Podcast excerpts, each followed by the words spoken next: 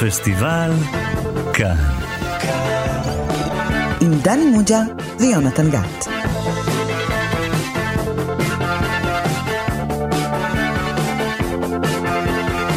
שלום לכם, אתם שוב איתנו בתוכנית הקולנוע הנצחית של תאגיד השידור הציבורי. אני יונתן גת, ומולי יושב המורה שלנו לקולנוע, דני מוג'ה. היי דני. שלום. דני, מה אתה עושה עם אוזניות על האוזניים? אתה מצטט, מאזין לי? מאזין לך בקשב רב. כן. לפודקאסט, לשידור החי? או מצוטט לדברים לך. אחרים? אה, אתה אני מצוטט. לך, אני מצוטט לחיים שלך כן. שהם חיים ש- אחרים משלך. ולחיים של אחרים. זה כבר לא רמז? זה כבר לא רמז, דני, זה כבר ממש הסרט הזה.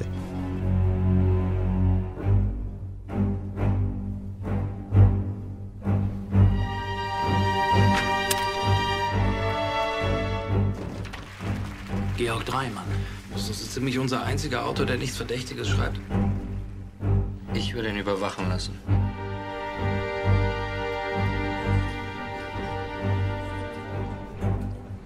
Der OTS steht ab morgen früh auf dein Zeichen für die Verwanzung bereit.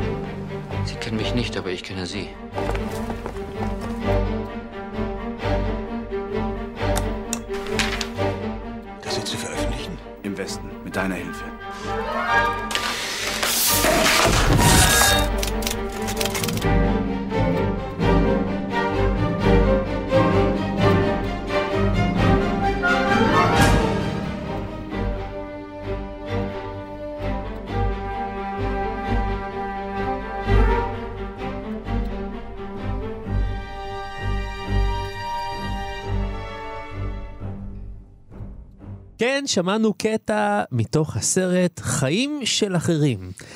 סרט משנת 2006, שבוים על ידי... פלוריאן הנקל פון דונרסמרק. זה נשמע כמו שם ממערכון של מונטי פייתון. יש לה מערכון כזה עם השם כן. הכי ארוך בעולם. איש שמוצאו משלזיה. יפה. משפחתו היא משפחת אצולה משלזיה. מזרח גרמניה, מזרח פעם גרמניה. פולין, פעם גרמניה, פעם פולין. אוקיי, יפה. אז זה לא החליט עדיין. אבל דני, אתה יכול להסביר לי למה אנחנו מדברים על סרט כזה, חיים של אחרים? למה זה מעניין אותנו? אני חושב שחלפו רק אה, 15 שנה מאז שהוא זכה באוסקר, לסרט הזר הטוב ביותר. אז אנחנו חוגגים לו. אוקיי. וכשהוא יצא, רבים חשבו שהוא הסרט הטוב ביותר של אותה שנה, הטוב ביותר של העשור, הוא הטוב ביותר של, אתה יודע, קצת מוקדם, של המאה ה-21. וואו. אז אה, כן, רבים רואים בו סרט נפלא, יוצא מן הכלל. חברי האקדמיה חשבו כך. כן. וגם כמה סרטים גרמנים אנחנו כבר אה, דיברנו עליהם. נכון. אתה יודע, בגרמניה לא הרבה. מייצרים אה, קולנוע כבר בעל משמעות, שנים רבות. כמובן. כן. ואנחנו ממעטים לדבר על אה, סרטים גרמנים. האם דני מוג'ה, אתה יכול לעשות לנו תקציר בעל משמעות של הסרט הזה? עם מבטא ישראלי? אתה יכול? אוקיי.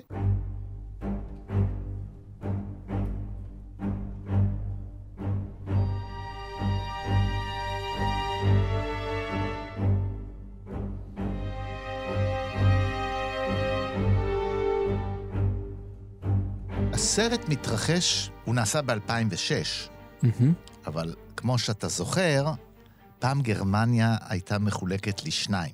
כמובן, עם חומה באמצע. חומה רק בברלין, לא היה נכון, חומה, נכון, החומה נכון, הייתה נכון. יותר וירטואלית, אבל גדר גבוהה, מזרח, גרמניה, גרמניה המזרחית וגרמניה מערבית, המערבית. כמובן, כן. גרמניה המערבית הייתה דמוקרטיה קפיטליסטית, בוא נאמר, חברה בברית נאט"ו וכולי וכולי, ואילו גרמניה המזרחית הייתה מדינה רפובליקה סוציאליסטית, כן? והעלייה מתרחשת ב-1984.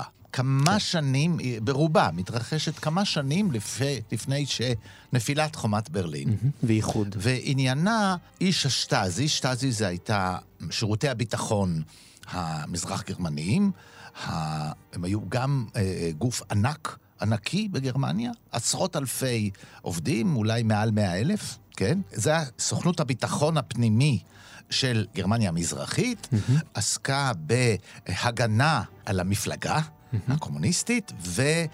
היא הייתה גם החרב שפוגעת באויבי הקומוניזם, ולכן גם הפעילות שלה התפשטה לארצות אחרות, והיה לה אפילו נגיעה לעניינים שקשורים במזרח התיכון שלנו. כן. והיא לא הייתה בצד שלנו. כן, הסוכנות השטאזי הזה. כן, היו לו גם אה, גבולות מאוד מאוד מאוד דקים ואפורים של הפעילות הזאת, כמובן, אה, שזה חלק מהסרט. והשטאזי הזה, כמו בדיקטטורות רבות, העיסוק המרכזי שלו זה לעקוב אחרי אויבי המדינה, אויבי המפלגה ואויבים הפוטנציאליים של המדינה. זה, וזהו סיפורו של אה, סוכן, גרד ויסלר, שמגלם אותו אולריך כן. מורהה. איזה שחקן. וכן, זה תפקיד האחרון שלו, אחד לפני האחרון, אחר כך הוא נפטר. Mm-hmm. והוא איש נאמן מאוד למפלגה ונאמן מאוד למקצוע. הוא כל כך טוב במקצוע שלו, הוא גם מלמד באקדמיה ל, לאנשי שטאזי, כן, לשירותי הביטחון, שמכשירה את אנשי הביטחון לעתיד, והוא מקבל משימה להאזין, לשתול מיקרופונים אה, בביתו של מחזאי מאוד מאוד מצליח. Mm-hmm. מצליח מדי אולי, ומפקפקים האם יכול להיות מחזאי מצליח שגם אהוב במערב, שאיננו אולי אויב השלטון, ובבית הזה גם גרה בת זוגו, שהיא שחקנית מצליחה מאוד בגרמניה, והוא במשך 12 שעות ביום מאזין ומנסה לתפוס משהו שיפיל את האיש הזה. מי שיזם את המבצע הזה הוא בעצם איש יושב, שר שיושב אה, דרגות, כמה דרגות מעליו, שגם רוצה להיפטר מהאיש הזה וגם חומד את uh, בת הזוג, של, את השחקנית הזאת. והאיש הזה עוקב ועוקב ועוקב ועוקב, ונחשף, והוא איש שאין לו חיים. יש לו בית קטנטן, דירה קטנטנה, הוא אוכל מעט, הוא לא מבלה, הוא לובש תמיד את אותם בגדים. באמת אין לו חיים, רק המקצוענות שלו וחיי העבודה שלו. Mm-hmm. ו- ובאמונה הוא מאמין בעבודה שלו. אבל מה שקורה זה שהוא מאזין בעצם לעולם שהוא לא הכיר.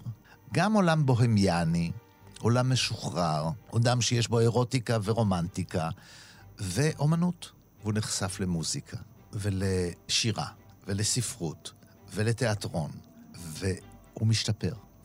הוא משתפר, הולך ומשתפר.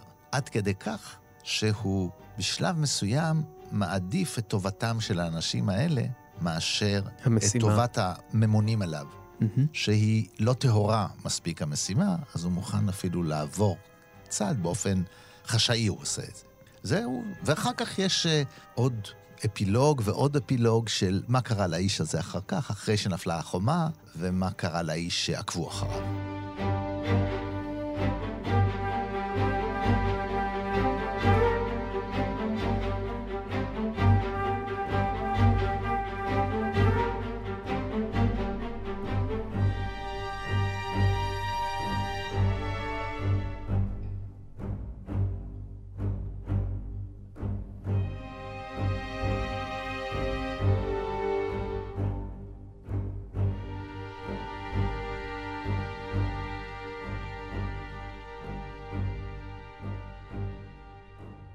דני מוג'ה, אני מודה לך על החיים האלה שצמצתת לנו בשלוש דקות. ובכל זאת, התיאור שלך, שהיה, אני לא אומר, אני לא מזלזל. זלזל, זלזל. אתה יודע מה קורה לזלזל. אתה יודע. לא. אם הזלזל לא, מזלזל, סופו שהוא יצנח. אני מתכוון שהיה יופי. אבל האם זה לדעתך מתאר מדוע הסרט הזה הוא סרט ששווה תוכנית? לא. לא, okay. אוקיי. אתה צודק, אבל אתה מכיר אותי מספיק זמן, יונתן. Mm-hmm. אני בכלל לא חושב שבתקציר טמון כן. כוחו וסודו של סרט טוב. אז איך נוציא את אמ, כוחו וסודו הטמון? להפך, אתה יודע, סרטים שזה החלק הכי חזק שלהם, התקציר, הם בסרטים לא מעניינים ולא טובים, כי יש מאות כאלה. כן. הכל טמון במשחק ובצילום. אז איך נסביר את כל זה וניתן לצופים שלנו את התחושה שהם חיים בתוך העוצמה הזאת של הסרט? מי שאוהב מאוד את הסרט, כן. אדם בשם זיו אלכסנדרוני, שמעת עליו? שמעתי פה ושם. אז תזמין אותו אל המיקרופון שלו, והוא יסביר לך, תקשיב אבל הפעם, כן. הוא יסביר לך מדוע הסרט הזה הוא הרבה יותר מן התקציר החמוד, אבל שלא מסביר מספיק מדוע הסרט הזה כל כך יפה. דני, אני חייב להגיד לך שאני מאוד מעריך את זה שאתה כמגיש זוטר, אומר למגיש הראשי והעורך הראשי אה, איך לנהוג בתוכנית. יפה מאוד, דני, מאוד מאוד יפה. אני לא אומר את זה ב... אני מקבל את המחמאות שלך בהכנעה. אולי תעביר בבקשה. יושב פה בן אדם שרוצה להגיד משהו, דבר חוכמה. אתה צודק, דני, אתה צודק. שלום לזיו אלכסנדרוני. שלום רב. זיו אלכסנדרוני הוא מרצה לקולנוע, והוא כבר חוקר הבית שלנו לענייני קולנוע. נו, נו. וזיו, האמת היא שהשאלה היא קצת מיותרת, אבל אני אשאל אותך בכל זאת, למה זה סרט שהשפיע עליך כל כך? למה זה... זה באמת סרט נפלא. בוא, בוא, אבל בוא, תיתן בוא, את הזווית שלך. בוא נתחיל רגע גם. בואו נעלה רמה. כל- ודרגה, לא מבחינת דני, ה... אתה מבין שצריך לעלות רמה? לא, לא, לא, אחרי לא. שאתה... לא, אחרי הדיבור שלך. נעלה רמה צריך בדר- לעלות דרגה, אין מה לעשות. נעלה רמה בדירוג. כי התחלת ואמרת, התחלת ואמרת שאנחנו לא מרבים לדבר כאן על קולנוע גרמני, וחבל מאוד. קודם כל, לדעתי כל התלונות לדני. אה, ברור. אה, אתה לא, אתה אתה איש מושלם אגב, אתה מופלא, אתה, אתה אין, אין, דנקה. לא פגשתי אף אה, אני מודה. מגיש כמוך, אני אתה מודה באמת לך. יוצא מגדר הרגיל. אתה לא צריך, באמת, אני... אני יודע. את זה בגרמנית. בואו uh, בכל זאת. אני אומר, טעות גדולה שלא מדברים על קולנוע גרמני, מכמה סיבות. קודם כל, כמו כל דבר שהגרמנים עושים לצערנו הגדול, הם עושים אותו מצוין. ולאורך השנים, ולאורך השנים הקולנוע שלהם בתקופות מסוימות היה ממש הקולנוע המוביל בהרבה מובנים. ידועה כמובן אותה תקופה מפוארת של ימי ויימאר, אותו אקספרסיוניזם גרמני בשנות ה-30, שהשפיע אחרי זה מאוד על הקולנוע האמריקאי, נניח על הקולנוע האפל בשנות ה-40, ואחרי המלחמה כמובן, תוך... כלום, אה, 20 שנה, הם מקימים דור חדש של במאים אדירים, אותו גל... אבל רגע, אני חושב שנוצר פה איזה, איזה משהו מטעה. דני, אתה קצת הגזמת. אנחנו כן דיברנו על קולנוע גרמני בתוכניתנו. כמובן שדיברנו על הקבינט של דוקטור קליגרי, וכמובן שדיברנו על אה, מטרופוליס, ודיברנו על אה, וים ונדרס, מלאכים בשמי ברלין. מלאכים בשמי ברלין. יש למשל? לנו תוכנית עליו. אז, אז אני אומר שוב, ה, ה, כן, כל הדוגמאות שאתה הצגת כרגע הן דוגמאות מצוינות, מטרופוליס וכמובן קליגרי וכמובן המלאך הכחול וכל השנים ההם של שנות ה-30, ואחרי זה אותו דור מופלא של שנות ה-70 עם פסוונדר, ונדרס ובאמת אה, שלנדרוף וכולי, ש, שקיבל את השם הגל החדש הגרמני שנות ה-70, ולכן קולנוע גרמני הוא קודם כל קולנוע מצוין ושווה לראות אותו, אבל שווה לראות אותו בעיניי הרבה יותר בגלל הקשרים היסטוריים ופוליטיים. כי בטח מהזווית של ראייה שלנו. אני, שאני עוסק בקולנוע גרמני, רק בינינו, רק דבר אחד מאוד מעניין אותי.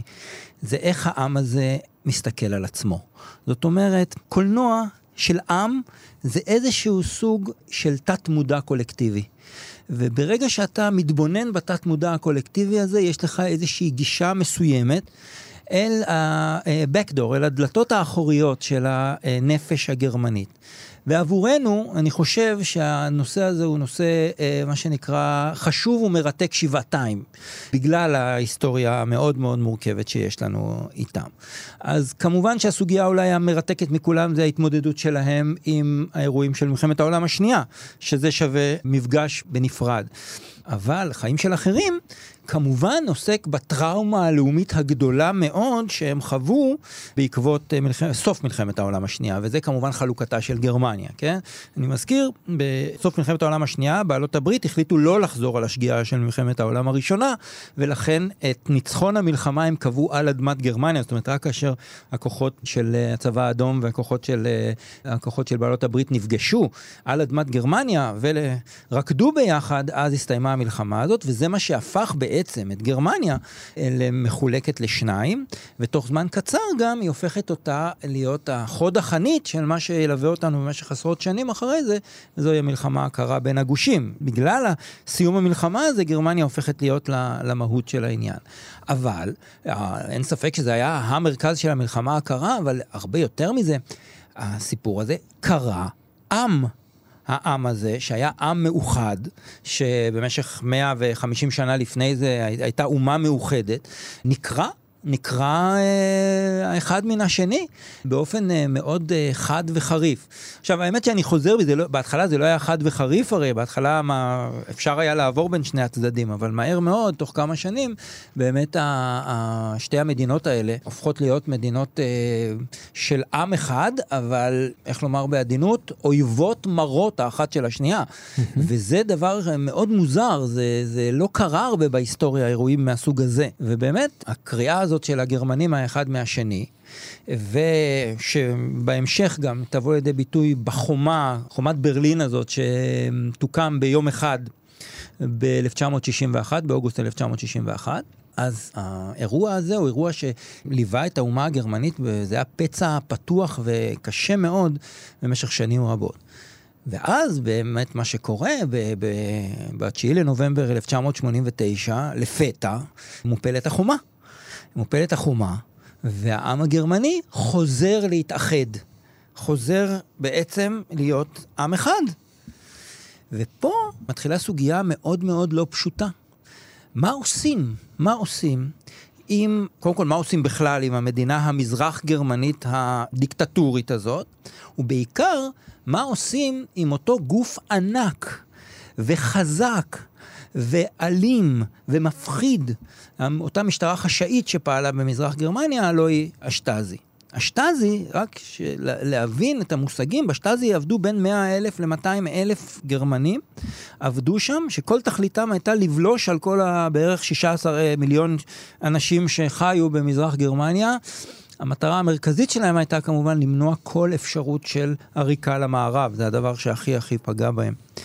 אבל לצורך זה הם הפעילו פרקטיקות מאוד קשות של אה, חקירות צולבות והאזנות ועינויים והלשנות, המון הלשנות, המון הלשנות. זאת אומרת, אה, במזרח גרמניה אנשים הלשינו האחד על המשפחה שלהם, על החברים שלהם, על האנשים הכי קרובים להם. והכל היה מסודר בתיקיות מופלאות בשטאזי, במטה של השטאזי בברלין, והחומר הזה היה חומר נפץ אדיר, זאת אומרת, מה שהיה שם, זה, זה באמת חומר נפץ אה, עצום מימדים, כי אם היו פותחים את הדברים האלה, וכל אחד אה, היה יכול לראות, גם מלשין עליו וכולי, היה, היה יכול להיווצר פה מהר מאוד אה, תוהו ובוהו ואנדרלמוסיה ואלימות וכל מה שאתם רוצים. ובאמת, מה שגרמניה שואפת לעשות אחרי האיחוד, היא באמת להתאחד. ובמידה רבה להשאיר את חטאי העבר האלה בעבר וללכת קדימה. והסרט הזה, חוץ מזה שהוא סרט נהדר עם גיבור מופלא, אגב, אולריך מוע, השחקן המופלא הזה, מדהים. שכבר בזמן הצילומים ידע שהוא היה חולה סרטן.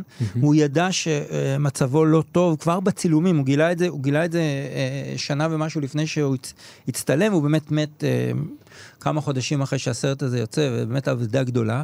הוא אגב עצמו נולד במזרח גרמניה, הוא אגב האשים את אשתו, שהיא צוטטה לו וזה, זאת אומרת, המציאות והדמיון פה אה, מתחברים.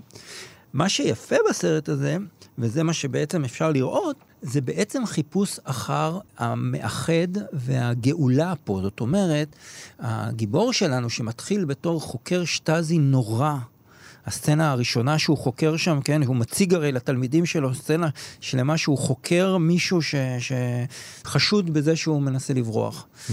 והוא חוקר אותו באכזריות שקשה לתאר. ואנחנו שונאים אותו שנאת מוות, אנחנו רוצים ממש לחנוק אותו בידיים.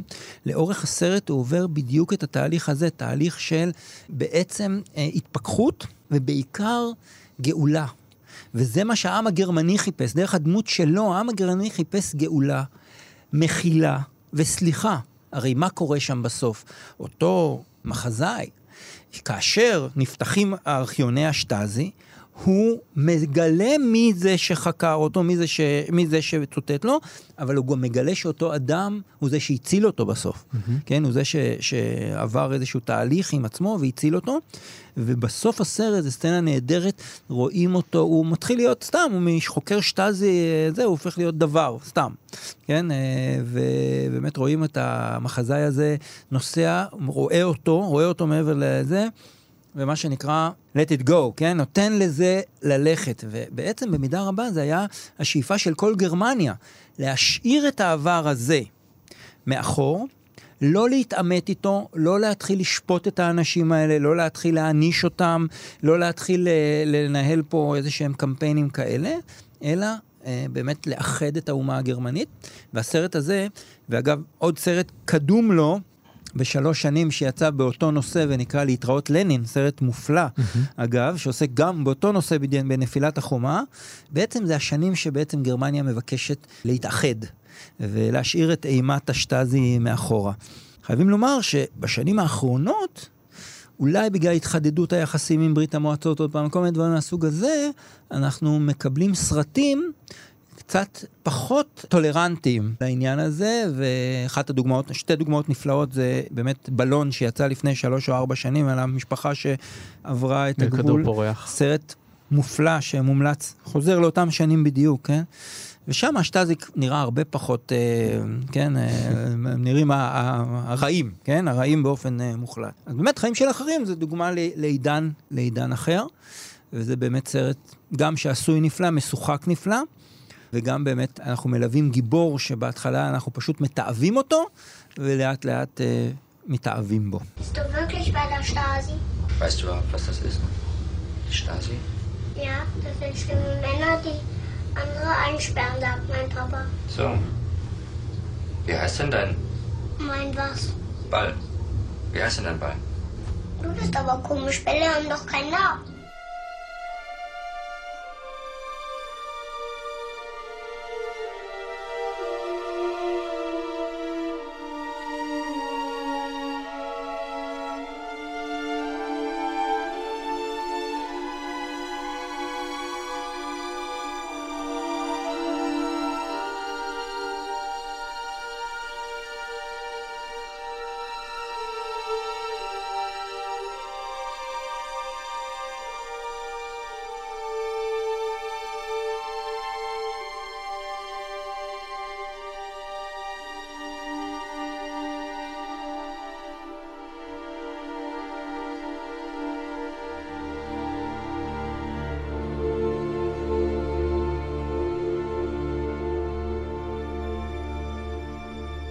הסרט הזה אולי הוא, לא יודע, מיד אחרי נפילת החומה, בכל זאת עברו 17 שנה מאז אה, נפילת החומה, היה, זה סרט ראשון של במאי שבאמת אה, הוא לא בא מתוך החוויות האלה, עבר אותם ובא בחשבון אישי, אלא הוא מתעניין בנושא הזה כמישהו שהוא באמת אה, רגשית, הוא פחות טעון אולי, ו... אם יש ביקורת שנשמעה כלפי הסרט הזה, זה באמת, כמו שאמרת, טולרנטיות כלפי השטאזי. נכון שיש בו שיטות חקירה, ואנחנו נחשפים לאיך הם עבדו.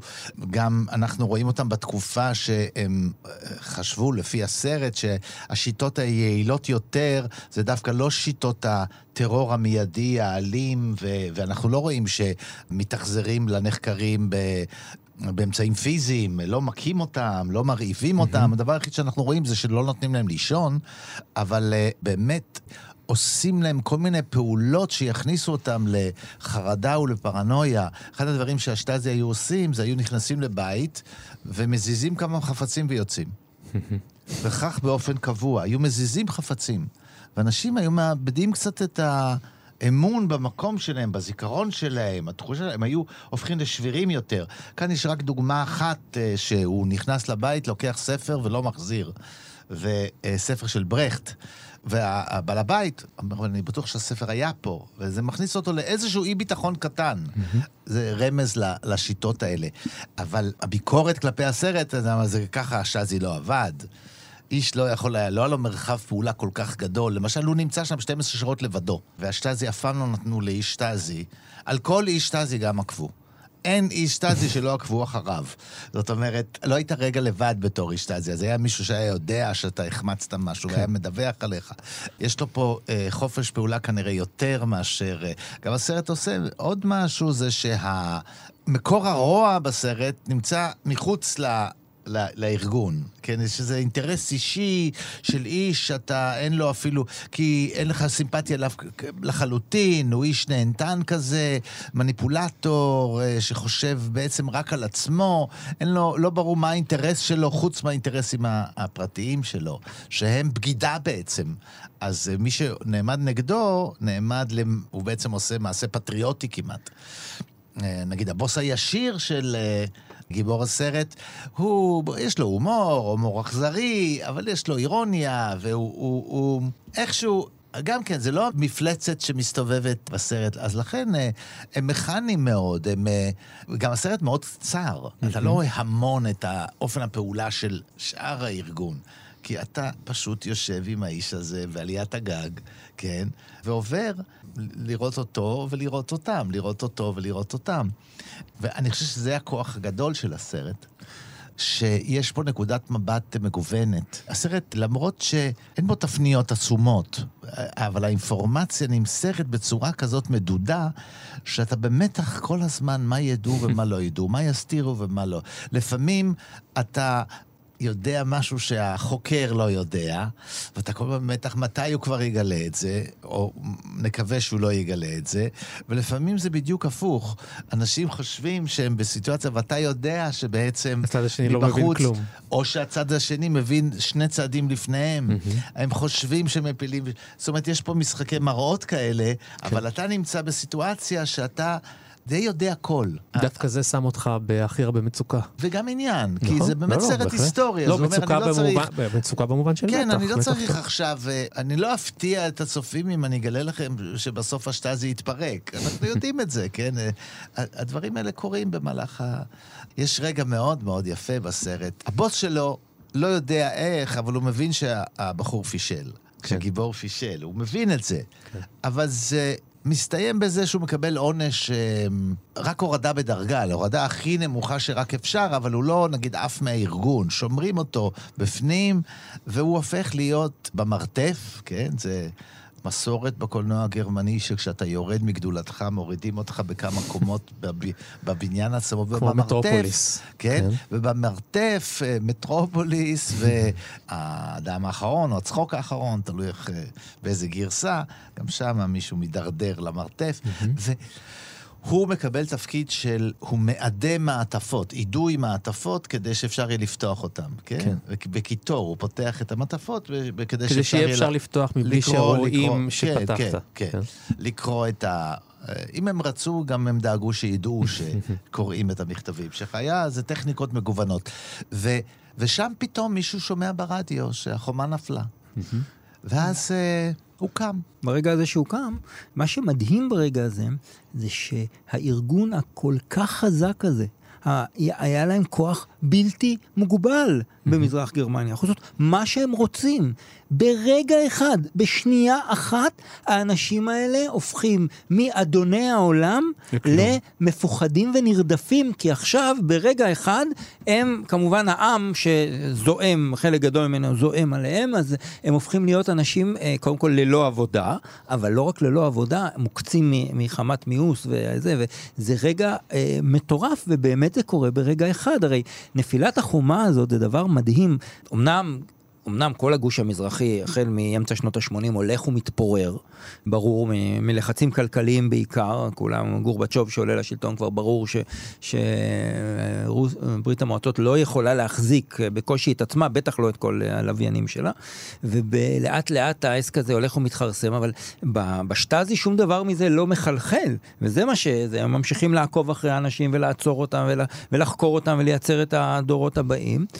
ואז באמת הרי מה, מה שקורה ב-9 לנובמבר הוא מדהים. יש ישיבה של ה... כן, אריך הוניקר, מנהיג גרמניה, אומר שהולכים להיות רפורמות, הולכים להיות שינויים וכולי וכולי, אבל לא נוקב זמן. ואז בסוף הישיבה הזאת, אחד העיתונאים שהיה שם מרים את היד ושואל, תגידו, ממתי זה אמור לקרות כל מה שהיושב ראש אמר?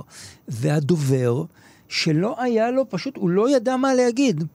אומר בשידור חי לאומה, אני חושב שמעכשיו, ככה הוא אומר, וברגע הזה קמים מאות אלפי גרמנים, רצים אל החומה ומפילים אותה ברגע אחד. הרי אף אחד, אף אחד לא יודע שזה עומד לקרות, בטח לא ביום הזה. ברגע אחד הם לוקחים איזמלים ופטישים ומפילים את החומה. ובגלל שהחומה הפכה להיות כזה סמל, אז פתאום, כן, אה, הנהר הדם הזה פורץ. צריך להבין את זה, זה משפחות, זה אותה משפחה. היו משפחות שלמות חיים מהצד הזה ומהצד הזה, אתה, לא ראו אחד את השני 28 שנים. זה מטורף, ופתאום ביום אחד, זה, והסצנה הזאתי בסרט, היא באמת אה, מדגימה את זה נהדר, איך שלא היה שום הכנה לזה. הם פתאום שומעים את זה, ואז הוא קם ויוצא, זהו, בזה נגמר הסיפור. חשוב להדגיש באמת את החיבור של הסרט הזה כמובן לרומן המכונן שעוסק במשטרים מהסוג הזה, וזהו כמובן 1984 אה, של ג'ורג' ארוול. הסרט נפתח ב-1984, לא בכדי, זה הכותרת הפתיחה, האקדמיה של השטאזי 1984. לא סתם יש פה דברור ברור לעידן, הרי ארוול כותב את הספר שלו על המשטר ה... על עולמות שאתה בהם לא יכול, אין לך שנייה לא, של פרטיות. לא, על המשטר הקומוניסטי, חד וחלק. על כן, המשטר כן, הקומוניסטי, כן, כן המשטר, כמובן, האח הגדול והכל, אבל על המשטר הקומוניסטי, מה יותר מהאח הגדול אה, מזה? ברור. ובאמת, אה, אני חושב שהחיבור החיבור הזה בהתחלה ברור. וכמו שאמרתי, הסרט הזה, אנחנו נורא אוהבים שהגרמנים עושים חשבון נפש. כמו שהם לא עשו שום חשבון נפש מהותי ורציני וכנה ועמוק. עם אירועי מלחמת העולם השנייה, בטח לא בקולנוע, בעיניי באופן ממש מכוון. Hmm. עם הסיפור של המשטר של מזרח גרמניה, הם מהר מאוד דווקא כן מייצרים סרטים של חשבון נפש, שתכליתם פשוט אה, לנקות את ה... במידה רבה לנקות את, ה, את האורוות ו, ולהמשיך הלאה, כן? לא במטרה להעניש, ממש לא במטרה להעניש, ההפך. ההפך. אנחנו לא רואים, גם בסרט הזה, אנחנו לא רואים שאף אחד מאנשי השטאזי האלה, mm-hmm. אף אחד לא נענש. במובן הזה שהם עשו דברים איומים. לא, הם לא נענשים. ובאמת אה, זה בא לידי ביטוי בסרט הזה. אותו דבר מה שקרה גם עם הפושעים הנאצים, כן? אותו דבר. מבחינת הגרמנים, הם לא באו, ב, כן? הם, הם לא באמת עשו חשבון נפש אמיתי וכנה עם, ה, עם המשטר הנאצי. אה, אבל אה, שני האירועים האלה, הם, אה, שניהם עיצבו בוודאי ובוודאי את גרמניה המודרנית באופן אה, נכבד ביותר. Ja, Name? Dienstgrad, Abteilung? Ich? Stiegler.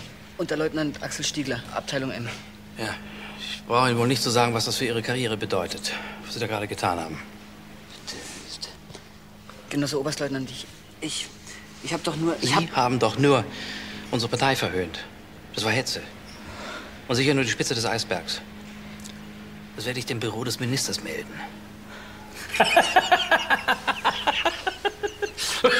Das war doch nur Spaß. Der war gut, ha? Aber Ihre war auch gut. Ich kenne noch einen besseren. Was ist der Unterschied zwischen Erich Honecker und Telefon? Hm? Na? Na, keiner. Aufhängen, neu wählen.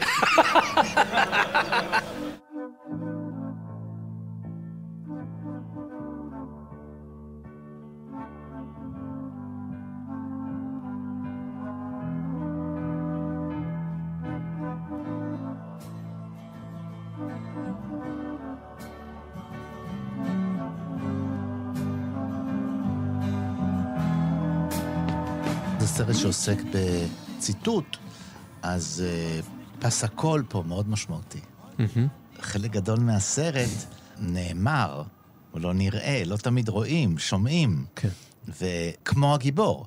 הגיבור שומע וצריך להסיק מסקנות, כן? אז העוזר שלו, או המחליף שלו, שהוא טיפוס יותר uh, עממי וחייתי כזה יותר, אז הוא מתלהב כל פעם שהוא שומע שלמטה מקיימים יחסי מין, כן? אז הוא.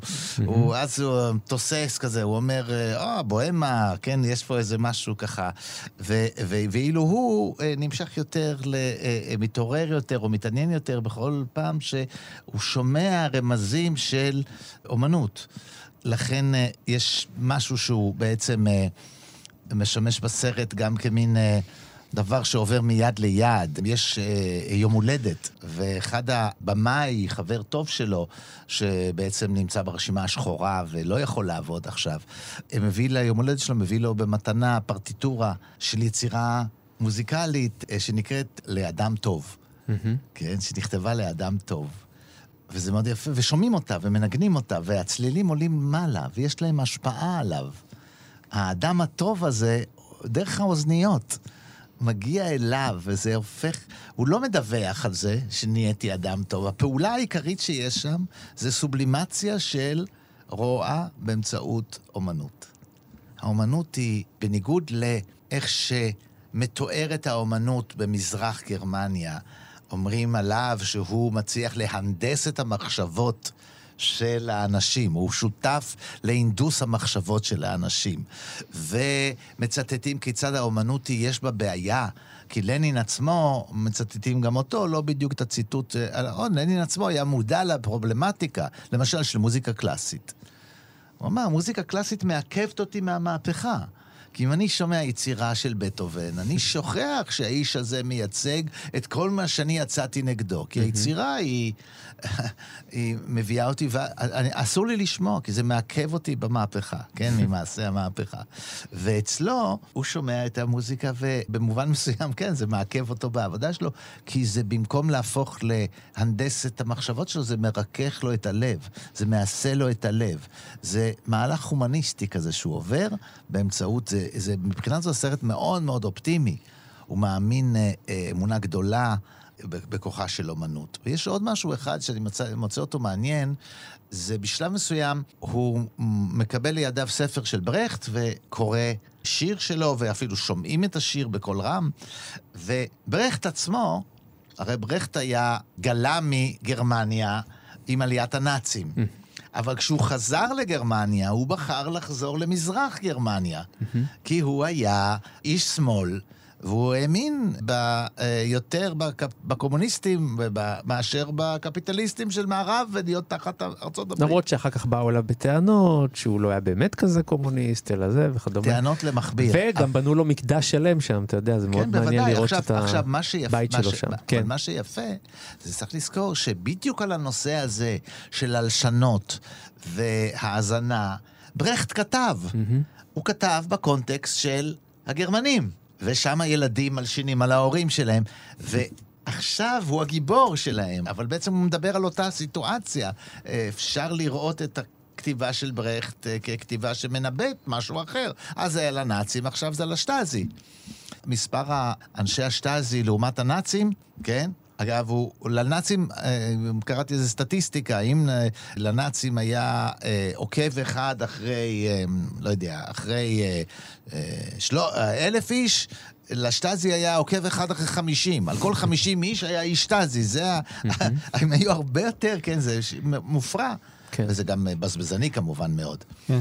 שני, שני דברים אולי באמת לסיום. אחד, באמת, אחד הפרדוקסים של מזרח גרמניה, ובאיזשהו שלב זה עולה, השלטון במזרח גרמניה הציגו את השלטון ואת המדינה הזאת כבעצם גן עדן עלי אדמות של שוויון וזה, ואז דוד נשאלת השאלה, האם אתה כזה גן עדן, למה כולם רוצים לברוח ממך, כן? למה אתה צריך לעקוב אחרי חצי מדינה בשביל כל הזמן לברר שהם לא רוצים לברוח, וזה תמיד משהו שעמד שם ברקע. ברקע, אם זה גן עדן, אז בואו, למה רוצים לברוח ממנו כל כך הרבה?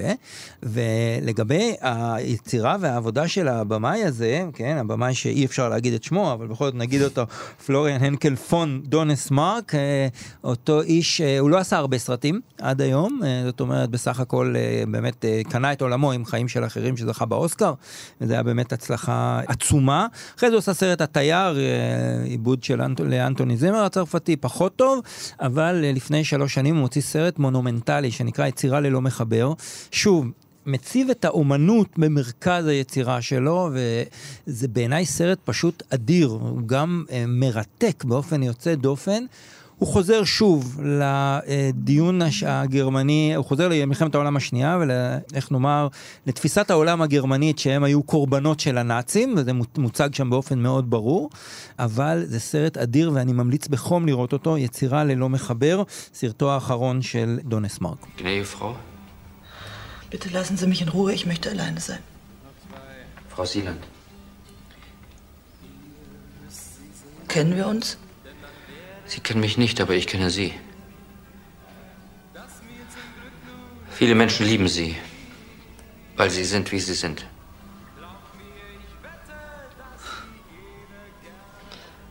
Ein Schauspieler ist nie so, wie er ist. Sie doch.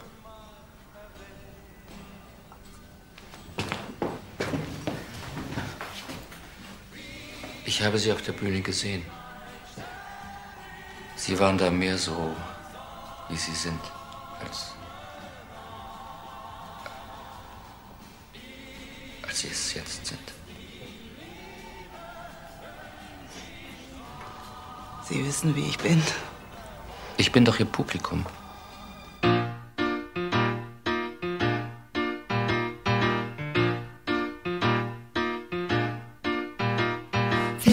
סיימנו, אבל זה לא הכל, כי לפסטיבל כאן יש עוד הרבה מאוד סרטים שעליהם דיברנו, וביניהם על עוד סרטים מגרמניה למרות ההשמצות של דני מוג'ה.